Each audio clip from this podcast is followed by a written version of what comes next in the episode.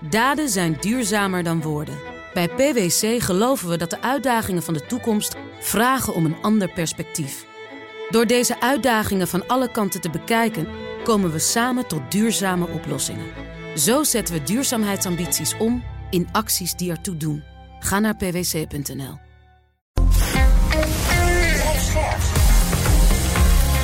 BNR Nieuwsradio. BNR breekt.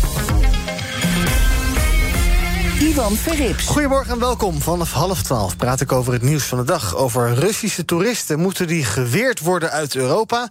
En flinke irritatie bij vakbond ACP. Waarover, dat hoor je allemaal straks over 25 minuten. In mijn panel vandaag Piet Rietman, econoom bij het Economisch Bureau van ABN AMRO. Goedemorgen Piet. Hey, goedemorgen. Ja, we zouden uiteraard zoals gebruikelijk ook een tweede panellid hebben... maar diegene is helaas ziek en daarom doen we het gewoon met Piet. Dus nog meer Piet het komende uur hier op BNR. En wat wel is, zoals altijd, is dat we beginnen met... BNR breekt. Breekijzer. En dat breekijzer heeft te maken met uh, een bofbelasting. Een wat? Wat zou u vinden van een bofbelasting? En wat voor belasting? Een bofbelasting. En dat is? Een bofbelasting.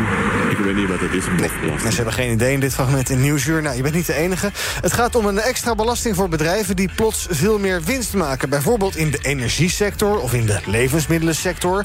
Zo'n profiteursbelasting of een bofbelasting of een superbelasting is in meerdere landen al ingevoerd. En in Nederland wordt die roep ook wel steeds luider om met zo'n belasting te komen. Bijvoorbeeld gisteravond in Nieuwsuur dus. Uh, Piet Fortuyn van vakbond CNV, die is voor. Wij zijn als CNV daar best voorstander Er zijn op dit moment bedrijven, Shell, Unilever, maken mega winsten. En er zijn heel veel mensen, ja, daar liggen de muizen dood voor de kast. En die hebben het heel moeilijk om de touwtjes aan elkaar vast te knopen. Dus solidariteit is op dit moment op zijn plek. Ja, en ook een meerderheid van de Tweede Kamer die zou dat willen. Maar invoering op korte termijn wordt een lastig verhaal. Staatssecretaris Van Rij van Financiën vindt het geen goed voorstel. Hij zegt, het klinkt aardig, maar het is niet uitvoerbaar. Ons breekijzer vandaag.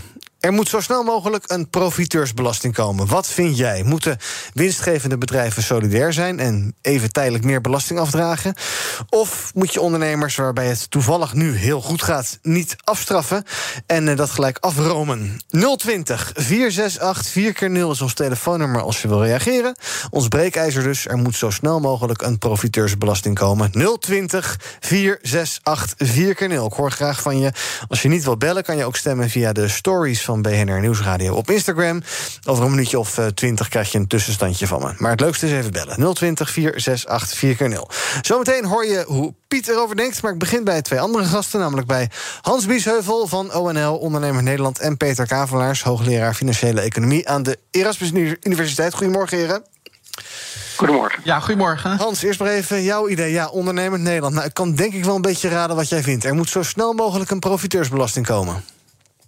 Nou, daar ben ik uiteraard geen voorstander van, uh, Iwan. Uh, dat zal je niet verrassen. Kijk, we hebben in Nederland al een uh, stelsel waarbij als je meer verdient... of dat nou individueel is of als bedrijf... dat je gewoon meer belasting betaalt. Dat is ook heel eerlijk, vind ik. Meer verdient, hoe meer je betaalt. maar we kunnen natuurlijk niet bij elk ding wat er gebeurt in de samenleving... zeggen, oh, we draaien weer eens even een knop aan in het belastingstelsel. Het is ja, wat meneer Van Rij ook zegt, hè, moeilijk uitvoerbaar. Mm -hmm. Maar we, zijn natuurlijk ook, we hebben natuurlijk heel veel belang bij een stabiel belastingstelsel. Hè. Dat, dat is een reden waarom bedrijven in Nederland zich vestigen.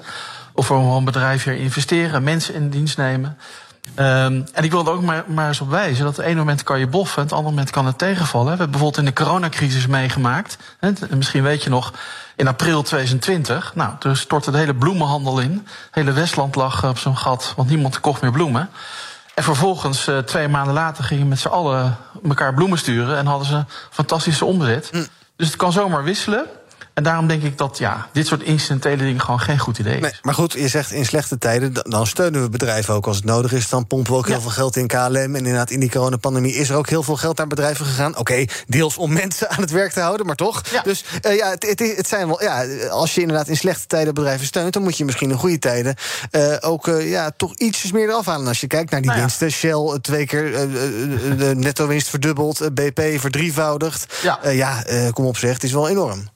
Nee, maar ik begrijp dat gevoel heel goed. Hè? En de vraag die je dan ook moet stellen is van ja, kijk, als, als je dan die extra belasting zou willen heffen, hè, Eén is de vraag, ja, over welke grondslag kies je dan? Hè? Of, hè, dus wat vind je dan te veel? Of hè, wat vind je dan exorbitant? Dat is een hele ingewikkelde discussie.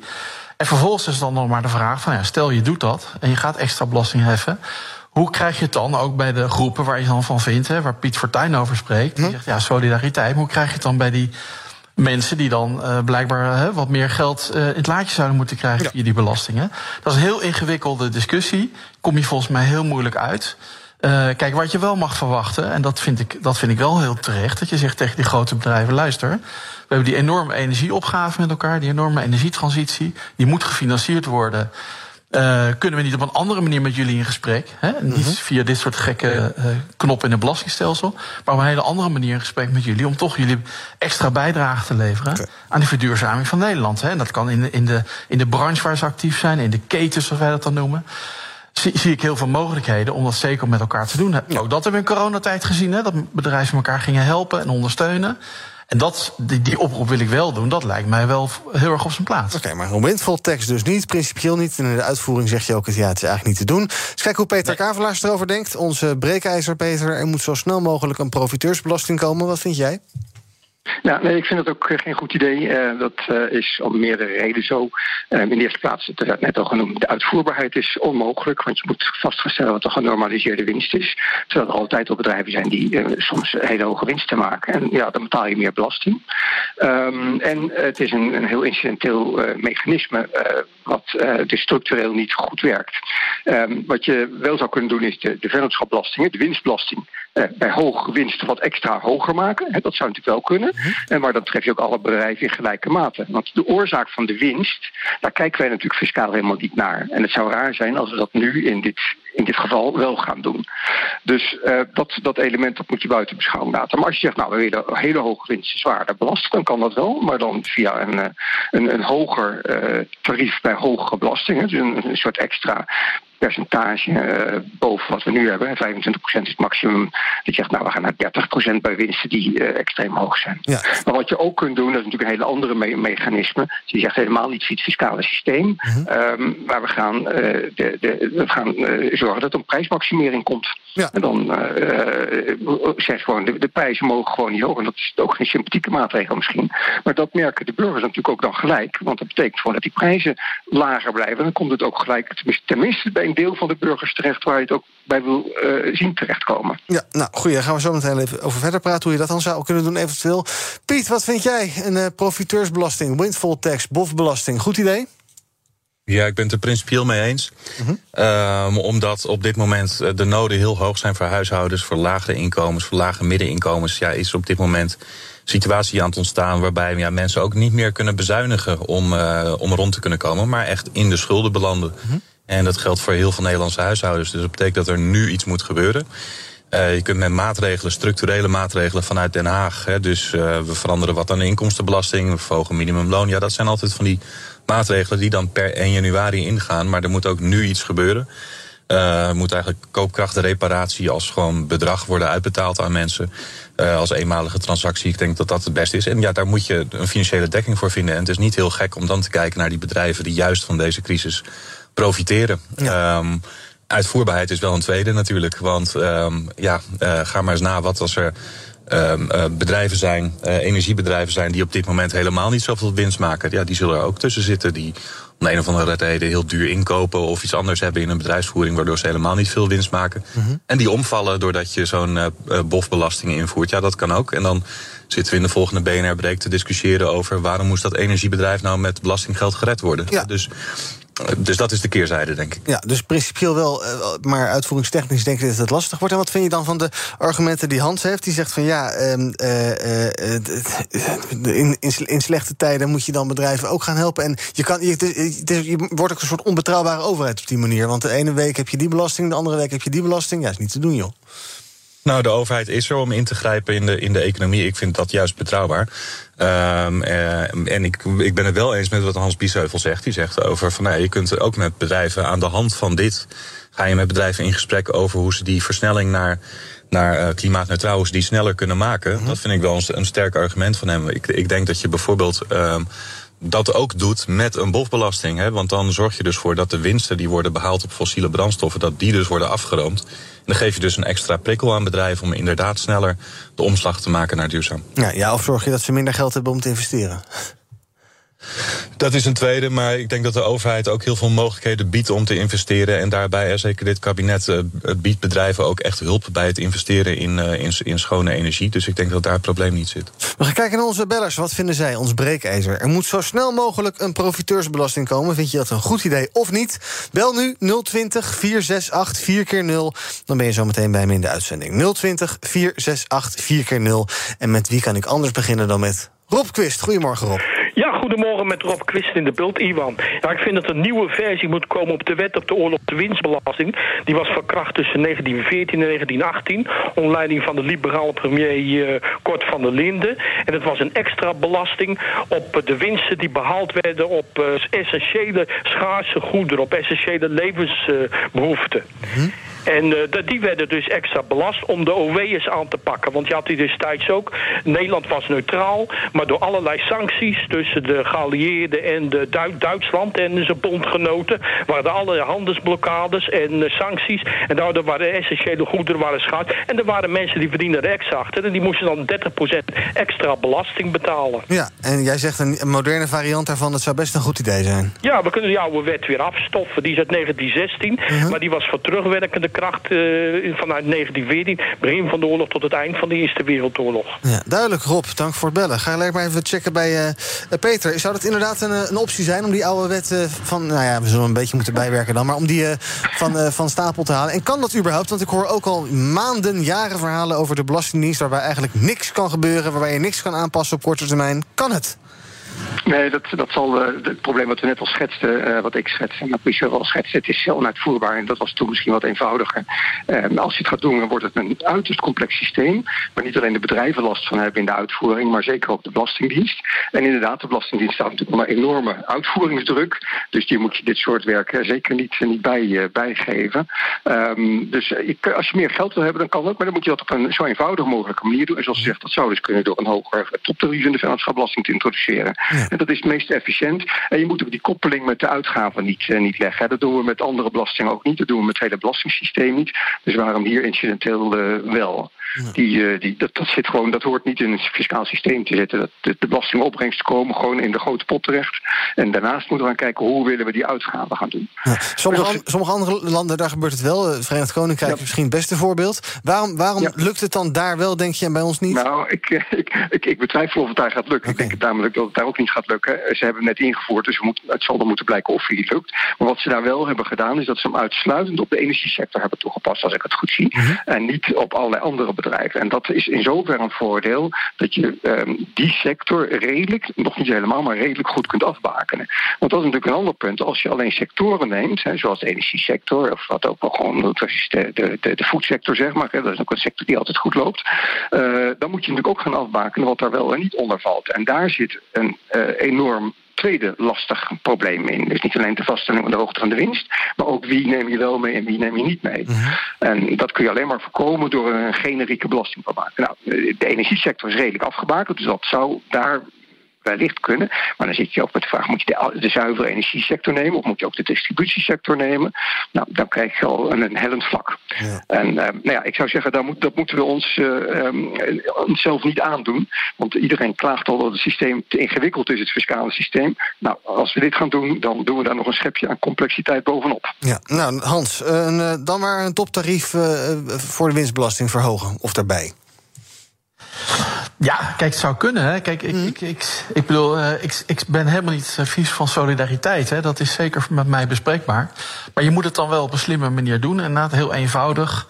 Uh, en nadenken van ja, wat, wat, hè, wat levert het op? Maar ook wat gooi ik ermee weg? Hè, wat ik net al zei.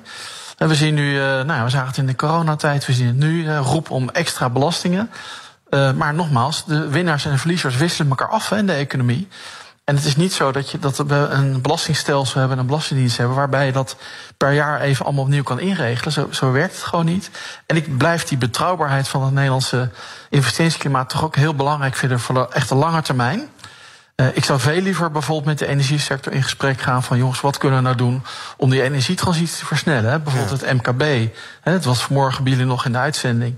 En heel veel MKB-bedrijven op dit moment geen geld om te investeren in de energietransitie of om een uh, energierekening naar, naar beneden te krijgen. Er is acuut behoefte aan. nou, laten we eens kijken of we niet een akkoord kunnen sluiten met de energiesector om daar een handje te helpen. Lijkt me veel en veel nuttiger. Maar op welke manier help je dan burgers door de MKB-sector te helpen vergroenen? Wat, hoe, hoe, hoe ligt die koppeling? Nou, nee, maar kijk, eh, eh, heel veel MKB-bedrijven worstelen op dit moment ook met. Hè, daar sta ik natuurlijk voor. Die, die worstelen op dit moment ook met het betalen van hun energierekening. Nou, en om die naar beneden te krijgen, moeten ze eigenlijk investeren in verduurzaming van de bedrijfsvoering. Op dit moment heel lastig, want de meesten hebben er geen geld voor. Nou, dat is een uh, heel concreet doel waar uiteindelijk heel Nederland uh, belang bij heeft. Want als de MKB hè, de rekening, gasrekening een beetje naar beneden kan krijgen, nou, kunt misschien ook de prijzen weer een beetje naar beneden. Dus uiteindelijk heeft dan de economie als geheel daar voordeel van. En ik zou veel liever in dat soort termen gaan denken dan in uh, bofbelastingen en dat soort zaken. Nou, ik hoor het al als ik jullie zo hoor met z'n drie eigenlijk. Het gaat er gewoon niet komen, het gaat niet gebeuren. Uh, Piet, uh, gisteren ook in Nieuwsuur FNV, die zei ook van ja, wij hoeven hem eigenlijk niet per se die bofbelasting, wel een structureel hogere winstbelasting. Als jij moest kiezen uit die twee kwaden, zeg ik maar even uit bedrijfsopzicht, welke, welke zou je dan kiezen? Nou, het woord structureel zegt het eigenlijk al voor mij. Die bofbelasting, dat is iets waarmee je nu in 2022 een probleem oplost. Je kunt er misschien een koopkrachtreparatie mee betalen. En structureel hogere winstbelasting zorgt ervoor dat je meer overheidsinkomsten hebt. die je kunt uitgeven aan sociaal beleid, aan een fatsoenlijk sociaal vangnet, et cetera. Aan het eh, op houden van de, van de inkomens van huishoudens, op peil houden van sociale voorzieningen. Ja, en dat is eigenlijk de, de weerstand die je als samenleving nodig hebt om aan de startstreep van de volgende crisis te staan. Want er komt altijd weer een nieuwe crisis. Dat, uh, ja, de economie beweegt van crisis naar crisis. Dus um, moet je ervoor zorgen dat huishoudens af en toe een crisis aankunnen. En dat is denk ik beter dan, uh, dan tijdelijke, tijdelijke maatregelen. Ja, en je denkt ook dat dat niet negatief is voor het land. Dat je daarmee niet nou, bijvoorbeeld investeringsklimaat, vestigingsklimaat negatief beïnvloedt als je de winstbelasting gaat verhogen. Nee, er zijn altijd bedrijven die, uh, die, die uh, in, in opstand komen als er over hogere belastingen wordt gesproken. En dan hebben ze het over vestigingsklimaat. Maar ja, er zijn ook heel veel bedrijven in Nederland die uh, er profijt van hebben dat wij een goed vestigingsklimaat hebben. In de zin van dat we klimaatbeleid voeren. In de zin van dat we onderwijs hebben. In de zin van dat we infrastructuur hebben. Ik denk investeren in dat soort publieke diensten. Dat schept ook een, een vestigingsklimaat. Maar dan voor het type bedrijven dat we hier willen hebben. Ja.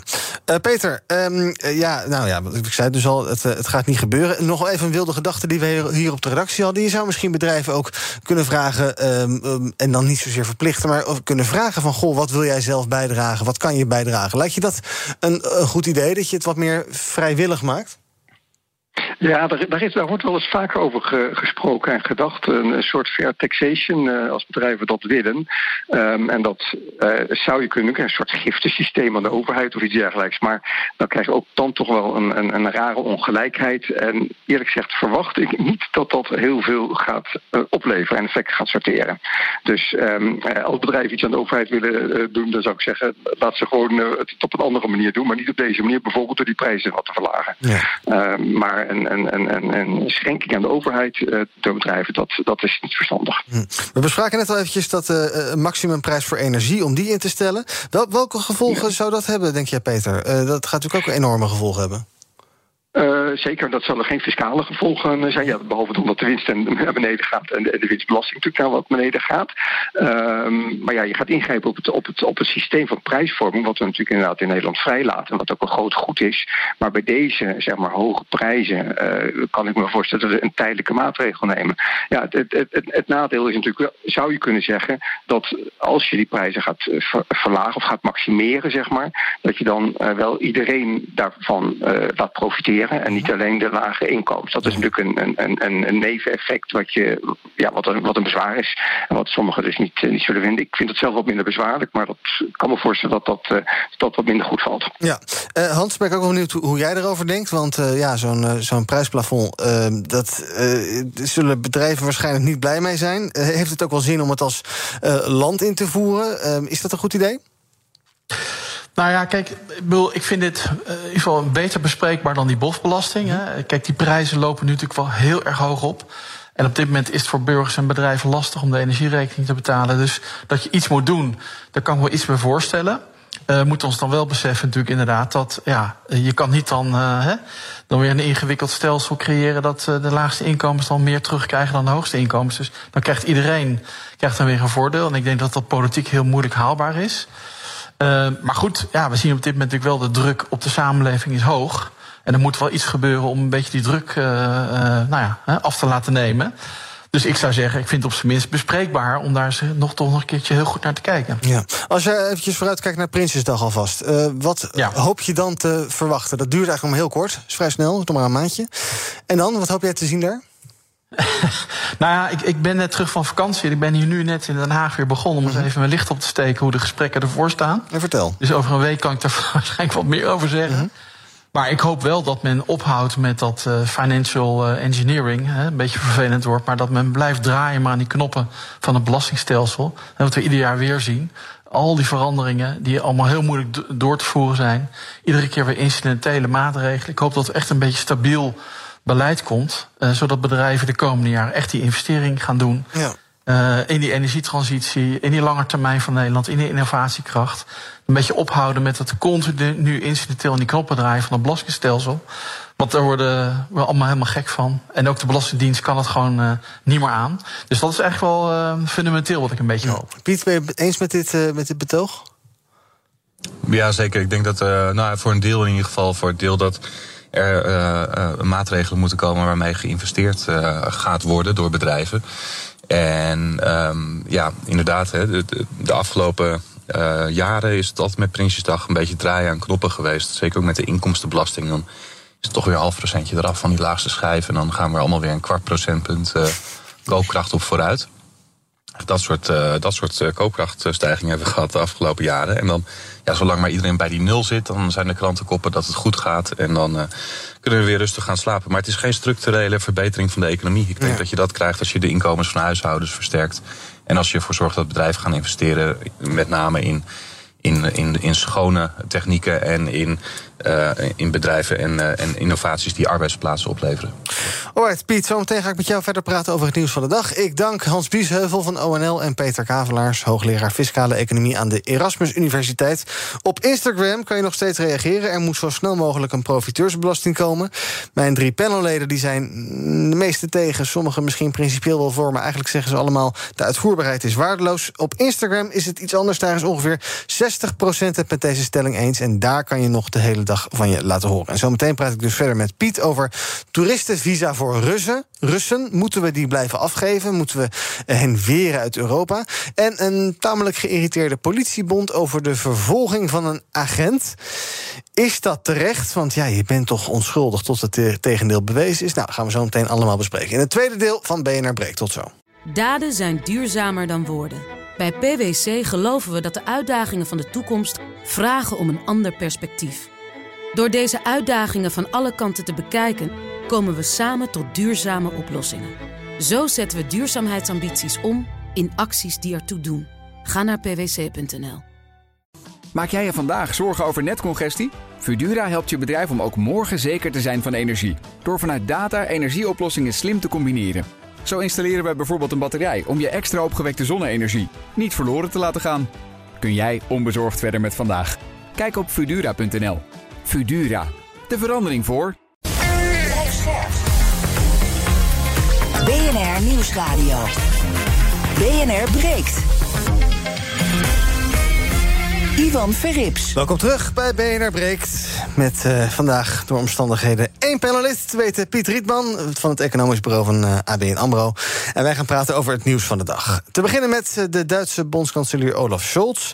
Die wil niet dat Russische toeristen worden geweerd uit Europa.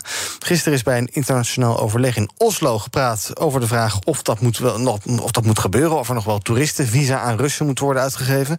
Als het aan Scholz ligt, wel...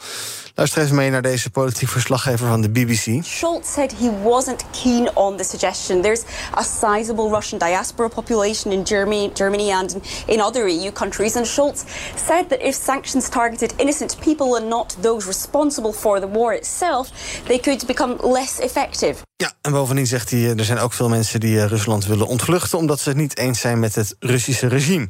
Uh, Piet, is het nou slim? Het is onder andere een oproep van Zelensky. Die zegt dat ook al maanden, van jullie moeten eens ophouden... met die eh, Russen ontvangen in Europa. Wat vind jij? Uh, moet je gewone Russen die uh, ja, het land uit willen... voor werk of voor vakantie of voor wat dan ook... straffen en zeggen, je komt er niet meer in? Nou, ik, ik denk dan van hè, als, je dat, als je dat doet, dan. Um, Uh, het, zou, het zou uh, denk ik. Kijk, je, je kunt er op twee manieren naar kijken. Je kunt, er, je kunt er economisch naar kijken. Dan kun je denken van nou ja, we willen eigenlijk dat mensen juist uh, dat land ontvluchten. Hè. Of, of nou op toeristenvisum is of dat ze daadwerkelijk vluchten. Maar als mensen het land uitgaan, niet meer terugkomen, dan veroorzaakt dat een brain drain. voor mensen die zich permanent vestigen in andere landen dan Rusland. En tijdelijk, ja, als mensen niet in Rusland zelf op vakantie gaan, maar in het buitenland, dan wordt er ook minder geld uitgegeven in, in Rusland zelf. Dus, dus economisch uh, is het een heel slim idee om, uh, om ervoor te zorgen dat mensen nog steeds naar, naar andere landen kunnen blijven gaan. En om die visa dus niet, niet in te trekken. Hm. Ja, en daarnaast heb je nog al die argumenten die door Scholz zijn genoemd. Inderdaad, uh, je gaat ook mensen van je vervreemden als je, als je een visum intrekt. Dus uh, ook dat moet je denk ik niet willen. Ja, dus eigenlijk ben je het simpelweg hierin niet eens met Zelensky. Die, uh, ja, je moet inderdaad dat niet willen. Um, bovendien, als je mensen hier niet heen haalt meer... dan kan je ze ook niet van jouw Europese denkbeelden overtuigen over die oorlog. Dan hou je ze daar en dan ja, zit je ze helemaal klem in het systeem daar. Ook het mediasysteem en dergelijke. Ja, hoe slim is dat? Ja, zeker. Hè. Die, die Russen, die, uh, al, zitten ze maar twee weken ergens in Italië of in Griekenland... maar misschien zetten ze uh, een Europese tv-zender aan... en zien ze een ander beeld op de oorlog. Dat is heel waardevol. Ja, uh, toch zijn er landen die er totaal anders in staan. Bijvoorbeeld Finland en Estland. die willen namelijk wel Russische toeristen weren. Volgens de Finse premier Sanna Marin hebben burgers de oorlog niet gestart... maar ehm, ehm, ja, steunen zij de oorlog wel. Het zou volgens haar niet juist zijn dat deze groep in Europa... naar allerlei gezellige bezienswaardigheden komt kijken terwijl Rusland en Oekraïne mensen dood. Wat vind je daarvan? Ja, dat is een hele principiële manier om te redeneren, die, die ik ook wel begrijp. Uh, en ik, ik vind die, en, en, en dat, dat is ook uh, de redenering van Zelensky, dat is ook heel principieel bekeken. Maar goed, als je kijkt naar wat is nou het effect van zo'n visum intrekken of het blijven verstrekken, dan is het blijven van, verstrekken van een visa heeft toch allerlei effecten die je wil hebben in zo'n conflict met Rusland. Hm. Uh, het kan ze financieel schaden. Uh, en het kan ervoor zorgen dat Russische mensen in contact komen met uh, andere media dan de Russische. Ja, dat zijn toch allebei positieve effecten. Dus ja, misschien denk ik te praktisch of te veel vanuit effectiviteit. Maar mij lijkt het, lijkt het logischer dan het niet doen. Ja, en ook ja, Scholz die zegt dus van ja, mensen die Rusland dan willen ontvluchten, die kunnen dat ook niet meer. Maar dat is natuurlijk niet helemaal een argument, denk ik. Want je, ja, als je toeristenvisa niet meer verstrekt, je kan altijd mensen om humanitaire of politieke redenen alsnog een visum verstrekken. Dus dat, dat lijkt me toch niet helemaal een goed argument van Scholz. Nou, dat weet ik niet. Zoveel verstand heb ik er niet van. Maar ik, ik, ik, las dat ook heel vaak toeristenvisa gebruikt worden om in eerste instantie een land te ontvluchten en vervolgens een ander type visum aan te vragen. Dus hm. dat speelt ook mee, dacht ik. Ja. Nou ja, goed. Uh, wat jou betreft dus uh, uh, niet doen en die mensen hierheen laten komen als ze willen. Ehm, dan naar politievakbond ACP. Zij zijn boos, meldt Omroep Brabant, en wel hierom. Een Tsjechische vrouw werd tijdens de avondklokrellen in Eindhoven geraakt door een waterkanon van de politie. Nu blijkt dat de agenten die het water afvuurden wordt vervolgd door justitie. Volgens het Openbaar Ministerie was het optreden niet proportioneel. De vrouw liep een breuk op in haar schedel en had 15 hechtingen en een dikke lip. Later bleek dat ze helemaal niet aan het demonstreren was op het 18 septemberplein, maar dat ze daar toevallig stond. Ja, en nu is deze uh, agent dus, uh, die, wordt, die wordt vervolgd. Uh, politiebond ACP is, is daar boos over. Ehm, wat vind jij? ja, als iemand iets mogelijk heeft gedaan wat niet in orde is... dan is het toch logisch dat je gaat kijken of, die, of wat de rechter daarvan vindt? Dat is uh, altijd zo bij elke beroepsgroep. En uiteindelijk uh, betekent uh, onderzoeken ook nog niet dat iemand schuldig is. Dus dat ben ik met je eens. Maar ik vind tegelijkertijd wel dat bij, de, bij de politie die geweld gebruikt wordt, heel vaak het probleem geïndividualiseerd. Hè? Dan wordt er gesproken over moeten ze nou wel of niet dat geweldsmiddel hebben. Wat heeft die individuele agent verkeerd gedaan? Maar je kunt je ook afvragen, ja, hoe komt het nou dat er uh, um, heel veel demonstranten tegelijkertijd op dezelfde plek verschijnen. Uh, en dat er de politie misschien onderbemenst is. Uh, en, en, en, dat ze misschien te weinig training hebben gehad. te weinig, dus dus um, um, we moeten denk ik ook kijken naar in wat voor situatie plaatsen wij de politie. Mm -hmm. En vervolgens ontstaat zo'n ontstaat zo'n incident zoals dit. Maar wat is er daarvoor allemaal gebeurd? Daar kijken we denk ik te weinig naar. Ja, dus ook in de, in de, in de voorbereiding, in de opleiding, dat soort zaken. Uh, Wim Groeneweg van ACP die zegt... ja, dit geeft dus een verkeerd signaal. Het zou uh, niet goed zijn voor de beeldvorming rondom de politie. En het idee geven dat de politie geweld zonder aanleiding uh, gebruikt. Dat zou worden versterkt. Ja, um, maar ja, dan, dan zeg je daarmee eigenlijk... politieagenten zijn een soort vogelvrij. En als ze wat fout doen, nou, dan moeten we ze niet voor de rechter slepen. Want voor je het weet gaat er iets fout in de beeldvorming. Maar dat is toch, is toch een beetje gek. Ik bedoel, ja, de rechter, er is toch juist een rechter voor om te besluiten of iemand schuldig is of niet? Dat, uh, zoals ik begrijp, zoals ik het nieuws begrijp, is er nog niemand uh, schuldig gevonden. En gaat die rechter zich daarover buigen, inderdaad. Ja, maar daar zijn ze dus al boos over, dat die rechter daarnaar moet gaan kijken. Ja, ja, ja. Sorry. Ik begrijp in ieder geval wel dat, dat de. Uh, ik, ik, begrijp wel die frustratie dat er zeg maar. Uh, naar individuele agenten wordt gekeken als er op het gebied van geweld iets, uh, iets mis is gegaan. En zij zijn het eigenlijk. Het, agenten zijn eigenlijk het sluitstuk van, van maatschappelijke processen. Mm -hmm. Dat zij um, in een situatie zitten waarin ze geweld moeten gebruiken. Of dat zij in situaties terechtkomen waarin ze misschien wel meer wapens zouden willen dan nu.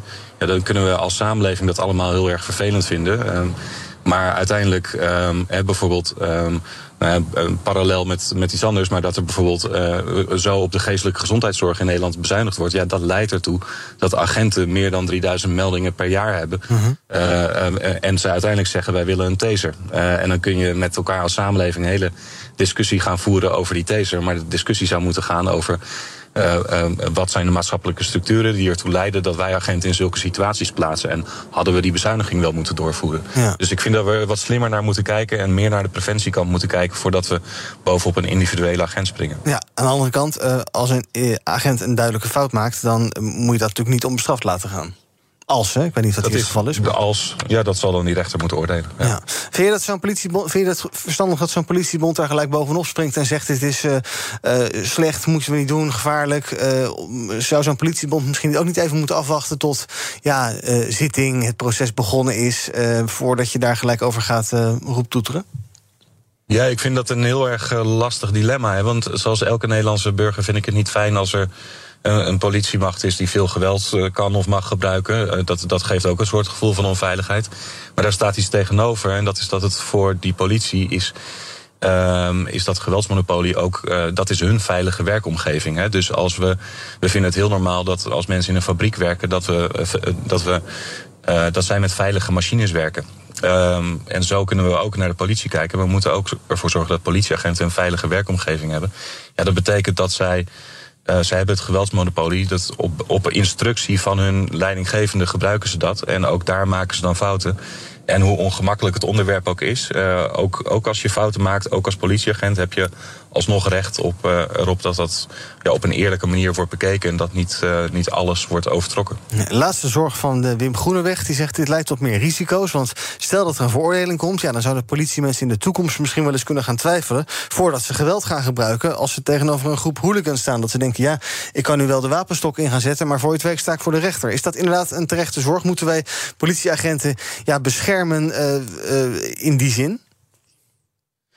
Ja, maar wel veel meer in het, in het preventietraject. Hè. Dus er zijn er allemaal. Uh, dit is dus gebeurd in een, in een demonstratie rondom, rondom coronamaatregelen. Uh, kijk, als we dat beter hadden zien aankomen, als dat allemaal beter was gemanaged ook. Ehm, als er een, een beter getrainde en een grotere politiemacht zou zijn. Ja, dan zou je ook niet agenten in een situatie plaatsen waarin ze iets doen dat misschien de rechter zal te oordelen wel of niet verkeerd is. Dus ik denk dat in dat preventieve traject dat we daar die politie veel meer hadden kunnen helpen als samenleving. Oké, okay, nou in dit individuele traject gaan we dus uh, die zaak afwachten. Daden zijn duurzamer dan woorden. Bij PwC geloven we dat de uitdagingen van de toekomst vragen om een ander perspectief. Door deze uitdagingen van alle kanten te bekijken, komen we samen tot duurzame oplossingen. Zo zetten we duurzaamheidsambities om in acties die ertoe doen. Ga naar pwc.nl.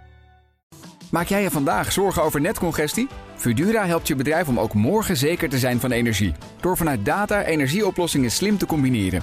Zo installeren wij bijvoorbeeld een batterij om je extra opgewekte zonne-energie niet verloren te laten gaan. Kun jij onbezorgd verder met vandaag? Kijk op Fudura.nl. Fudura, de verandering voor. BNR breekt. Pieter, gaan kijken naar uh, wat jou opgevallen was in het nieuws. Ik zag vanochtend allerlei berichten, jij wil het er ook over hebben. En ik moest je eerlijk zeggen, ik snapte er niet zoveel van. Want de bedragen die vlogen me om de oren. Het ging, gaat om het Integraal Zorgakkoord. Dat is een soort uh, ja, afspraak die er gaat komen. Um, en daar wordt aan de ene kant weer heel erg veel bezuinigd bij wijkzorg. 600 miljoen, 80 miljoen bij huisartsenzorg. Maar op andere plekken komt er weer wat bij. Help me even, wat, heb jij, wat maak jij van al het nieuws? Nou, als je het allemaal bij elkaar optelt en aftrekt, is het een bezuiniging. Uh, dat is denk ik het belangrijkste om te weten. En ja, waar ik eh, op aansloeg, en, eh, dat, dat, vind ik echt altijd vreselijk, is dat er de redenering eh, achter zat. Bij die, eh, althans, bij die, eh, die wijkverpleging zat er de redenering achter. Ja, afgelopen jaar is er zoveel miljoen niet besteed. Dan gaan we komend jaar precies datzelfde bedrag bezuinigen. En dat is echt het slechtste dat je kunt doen. eh, Of het nou binnen een bedrijf is of in de publieke sector. Dat je, dat je kijkt hoeveel er wordt opgemaakt. En op basis daarvan maak je de begroting van het komende jaar. Dat is echt. Ja, dat is aan twee kanten heel onverstandig. Dat zorgt er aan de ene kant voor dat mensen dus eh, voortaan altijd in november, december nog even snel al het geld gaan opmaken. Want anders krijgen ze volgend jaar niet hetzelfde budget. Nou ja, dat is, een, dat is een financiële prikkel die je echt niet binnen organisaties wil hebben. Eh, als je ergens werkt waar ze dat hebben, zorg dat het afgeschaft wordt. Want het zorgt echt voor verspilling. Maar de keerzijde ervan is dus ook. ehm, dat als om een hele goede reden geen geld wordt uitgegeven, dat er dan alsnog hetzelfde bedrag wordt bezuinigd. En dat is nu gebeurd bij die, eh, bij die wijk, wijkverpleging. Dat. eh, ehm, de, door personeelstekorten onder andere. En ook doordat die wijkverpleging nog maar kort bestaat. Hè, dus het is nog maar kort geleden gedecentraliseerd. Eigenlijk door een aantal, aantal redenen is er te weinig geld uitgegeven. Omdat eh, de boel gewoon niet goed georganiseerd was. Ja, en vervolgens zeg je dan, kijk eens, te weinig geld uitgegeven. Nou, dan gaan we dat ook weer bezuinigen. Dus dan, ja, als je dat doet, dan organiseer je eigenlijk je eigen bezuiniging. Dan zorg je ervoor dat de omstandigheden zo slecht zijn dat het geld inderdaad niet uitgegeven kan worden. En daarna kan je zeggen, hé, hey, kijk eens, zie je wel, we gaan bezuinigen. Ja, aan de andere kant, dat als is je een hele slechte zaak. elk jaar een pot met geld hebt waar een, waar een deel structureel niet uitgaat, dan is het- is het dan niet logisch dat die pot een keer wat kleiner wordt? Want ja, dat geld blijft steeds over. Dus blijkbaar hoef je dat daar niet voor te allokeren, want het is daar toch niet nodig. Ja, maar het is daar wel nodig. Eh, het geld kan niet uitgegeven worden, denk ik, door onder andere personeelstekorten. Er had beter structureel geïnvesteerd moeten worden in die decentrale zorg. En dan had je, eh, denk ik, kunnen zien dat eh, dat geld allemaal nu wel was uitgegeven. En dat er ook goede zorg voor was teruggekomen. Maar dat is niet gebeurd. Dus het is eigenlijk een bezuiniging in twee stappen. Eerst eh, eh, organiseer je je eigen tekorten. En vervolgens zeg je: kijk eens, tekorten, we gaan nog meer bezuinigen. Ja, dat is echt een slechte zaak. En de mensen die die zorg nodig hebben, die eh, zijn nu gedupeerd. Ja, het gaat ook om nogal een bedrag in het geval van die wijkzorg. 600 miljoen, bij huisartsen dus eh, 80 miljoen. Bij medisch specialisten en de GGZ gaat het weer een beetje andersom. Die krijgen er dan weer 200 miljoen bij en 180 miljoen bij. Uit dit concept moeten we er even bij zeggen. Dit is een concept dat het kabinet wil gaan sluiten met de hele sector. En dat is ingezien door de Telegraaf. Gaan we waarschijnlijk met Prinsjesdag meer over horen. Ehm, maar die medisch specialisten en die GGZ, die krijgen er nu dus geld bij. Mogen de jaren daarna dan weer niet verder groeien. Het voelt een beetje als een soort ja, eh, onnodig schuiven met potjes en geld. En ja, boekhoudkundig gedoe over iets wat eigenlijk zorg misschien helemaal niet zo boekhoudkundig is. Nee, precies. Het is helemaal niet boekhoudkundig. Het gaat om mensen. Ik denk dat dit soort onderhandelingen ook niet ge- gevoerd zouden moeten worden tussen overheid en wat ze dan noemen de sector. De sector, dat zijn dan die zorgorganisaties. Hè. Dus het is eigenlijk onderhandelen tussen de overheid en, en gedecentraliseerde clubs die vroeger ook de overheid waren. Ehm, ik denk dat er onderhandeld zou moeten worden tussen de overheid als geldverstrekker enerzijds. En aan de andere kant vakbonden en patiëntenorganisaties. Dit zijn de eindgebruikers. De patiënten, de verpleegkundigen in die wijk, ja, die weten waar de behoefte aan is. En die kunnen denk ik veel beter aangeven waar die budgetten naartoe moeten. Ja, nog even over die 600 miljoen voor de wijkzorg. Nu 91 heeft gereageerd. Dat is eh, de beroepsorganisatie voor verzorgenden en verpleegkundigen. Zij zeggen als je dit doet, gaat dit alleen maar leiden tot eh, nog grotere personeelstekorten in die wijkzorg. Ehm, eh, en wat je dan zou kunnen doen, in plaats van dat geld daar wegsnijden, is salarissen verhogen. Of eh, ervoor zorgen dat ehm, zorgmedewerkers meer kansen krijgen om door te groeien of een opleiding te gaan volgen. Zou je dat inderdaad. eh, oh, ja, jij vindt denk ik alles verstandiger dan dat geld weghalen. Maar is dat inderdaad wat zij zeggen, eh, wat je moet doen, wat jou betreft? Ja, zeker. Ik eh, denk dat je voor de grap eens moet, of voor de grap. Je zou eens moeten kijken naar hoe de salarissen in de pu- publieke sector zich ontwikkelen versus in de private sector in de afgelopen jaren.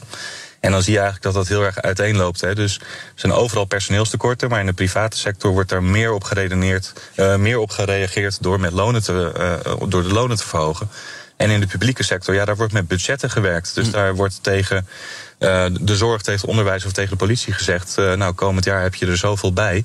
En dan vervolgens moeten zij eh, met hun werknemers gaan zitten onderhandelen. Maar dan weet je de uitkomst van tevoren eigenlijk al. Meer dan 2, 3 procent erbij kan het over het algemeen niet worden. En ja, dat zorgt ervoor dat de tekorten in die sector veel sneller kunnen oplopen. Zeker in de zorg. waar certificering van verpleegkundigen ook echt een probleem is. Hè. In andere landen kom je veel makkelijker aan de bak als je niet de juiste papieren hebt. En dan krijg je die later nog wel. Maar in Nederland moet je echt heel veel doen voordat je als verpleegkundige naast een bed staat. Uh, en tegelijkertijd stijgen de lonen niet hard genoeg. Ja, dat is een recept voor personeelstekorten. En ja, dan komt daar nu nog eens zo'n bezuiniging overheen. Dus ik snap heel goed dat nu 91 dat zegt. Ja. Zeer ja. onverstandig, dus wat jou betreft. Uh, ik zag dat ja. het ministerie die conceptplannen inderdaad naar betrokken partijen gestuurd heeft. Die hebben nu tijd om te reageren. En daarna moet er dus begin september voor Prinsjesdag een definitief akkoord liggen. En als het aan jou ligt, dan wordt het nog uh, flink aangepast. We gaan even kijken wat er trending is op de socials. Nou, bijvoorbeeld de hashtag luxe tax... naar aanleiding van een plan van de waterbedrijven. Verspilling van drinkwater uh, uh, uh, willen ze tegengaan. En daarom willen ze water wellicht duurder gaan maken... om die verspilling tegen te gaan. En dan vooral als je extreem veel water gebruikt... dat je dan wat meer gaat betalen. hashtag Leo Lucas doet het goed op Twitter. Gisteren was hij te gast in BNR Breekt... om te praten over de situatie in Ter Apel. Daar is veel over te doen. Je kan de uitzending terugluisteren via bnr.nl. En ik merk dat als Leo Lucas op BNR komt... dat het altijd heel veel losmaakt onder mensen op Twitter... Wat ook veel losmaakt is hashtag agractie. We moeten ook volhouden met onze acties. Of dat al publieksvriendelijk is, zoals binnenkort met de start van de Vuelta... of acties die scherper zijn... Ze moeten plaatsvinden. Ja, Erik Luiten, voorman van Agractie, die uh, oproept om door te gaan met actie voeren. En verder wordt er veel gepraat over vermogenden. Omdat uit een rapport van de Belastingdienst blijkt dat er fraude wordt gepleegd met schenkingen aan ambies, aan goede doelen dus. Donateurs die schenken dan uh, geld aan hun eigen goede doelen, trekken die giften vervolgens af van hun belastingaangifte. In sommige gevallen betalen die miljardairs daardoor niets aan inkomstenbelasting. Dat is mooi. Opgelost dus. Piet, luxe tax. Als je zegt uh, iedereen mag zoveel liter water gebruiken, standaard, dat heb je gewoon nodig om te drinken, om uh, uh, je was te doen en om je te douchen. En daarboven ga je wat meer betalen voor water. Goed idee? Vind ik een hele lastige. Uh, ook weer vanwege de uitvoering, maar ook weer van, ja, ook vanwege het principe dat je dan het probleem bij de, bij de individuele consument legt. Um, er zijn een aantal industrieën waar heel veel Um, heel veel water wordt verbruikt. Er zijn een aantal producten waarvoor heel veel water wordt verbruikt. Je zou voor de los moeten kijken hoeveel water er nodig is om een biefstuk te maken. Um, en ik denk dat het ja, gewoon veel efficiënter is vanuit economisch oogpunt als je uh, de hoge kosten van dat waterverbruik verwerkt in de prijs. Um, ik denk dat we dan veel meer uh, ethisch gaan consumeren, maar dan via prijzen en, en niet via onze eigen drinkwaterrekening. Ja. Tot slot wil ik een bericht uit The Guardian met je delen. Die uh, krant schrijft dat in het Verenigd Koninkrijk er een regeling komt voor huishoudens die moeite hebben met rondkomen bij het betalen van de boodschappen. Bij supermarktketen Iceland, meer dan duizend filialen, kunnen zij een soort renteloze lening krijgen van tussen de 25 en de 100 pond om ja, spullen in die supermarkt te kopen. Een soort creditcard krijgen ze met dat bedrag erop. En daarna gaan ze dat geld ook terugbetalen. 10 pond per week. Na een pilot, en dat wordt in samenwerking gedaan met een uh, non-profit club die dat geld uitleent. Na die pilot bleek dat huishoudens die met de regeling meededen, dat 92% van die huishoudens die naar de voedselbank ging, eerst dat niet meer hoefde te doen. En 71% gaf aan minder vaak achterstallige uh, rekeningen te hebben. Kortom, Piet, je voelt hem aankomen de vraag: moet dit in Nederland ook gaan volgen? Is het verstandig om op zo'n manier met een soort microkredieten uh, mensen te helpen die ja, net, het net niet redden en met zo'n paar tientjes heel erg geholpen zijn? Ik vraag me dat af. Ik denk dat je um, er rekening mee moet houden dat die energieprijzen nog wel even hoog zullen zijn. Hè. En, um, um, kijk, die inflatie daalt op een gegeven moment. Maar de inflatie dat is een jaar op jaar cijfer. Maar in de tussentijd hebben we heel veel koopkrachtverlies uh, geleden. Dus het is niet uh, zo dat we hier even doorheen moeten met z'n allen. Maar we gaan eigenlijk toe naar een situatie waarin de, de, inkomens flink achter op de prijzen zijn geraakt. En, en dus blijven.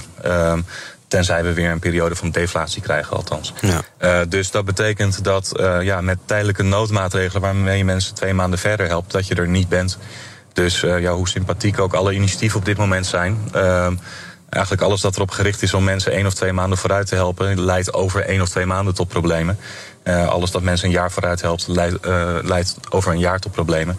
Dus uh, ja, ik bereid vaker mijn stokpaardje hier op BNR. Maar ik denk uiteindelijk is hogere lonen uh, en, en prijzen in beperking houden, uitkeringen omhoog. Dat zijn uiteindelijk structurele oplossingen die huishoudens wel kunnen helpen, denk ik. Het is een beetje de rode draad in deze uitzending. Liever structurele oplossingen dan allerlei uh, tijdelijke dingen. Alright, heel erg dank voor jouw aanwezigheid vandaag. Piet Rietman, econoom bij het Economisch Bureau van ABN AMRO. En tot zover BNR breekt voor vandaag. Morgen ben ik er weer. Dan uh, weer met twee panelleden als het goed is. Um, tot die tijd kun je ons volgen via de socials. Zoek maar eventjes. nou, eigenlijk zijn we overal te vinden. YouTube, Instagram, Twitter, LinkedIn, TikTok. Nog niet op Be Real, nog steeds niet. Maar ik zou ook niet zo goed weten wie dat dan zou moeten doen. Ja, misschien onze hoofdredacteur of zo. Nou, we gaan er eens over nadenken. Zometeen is uh, Thomas van Zel hier met Zaken doen. Tot morgen. Daden zijn duurzamer dan woorden. Bij PwC geloven we dat de uitdagingen van de toekomst vragen om een ander perspectief. Door deze uitdagingen van alle kanten te bekijken, komen we samen tot duurzame oplossingen. Zo zetten we duurzaamheidsambities om in acties die ertoe doen. Ga naar pwc.nl.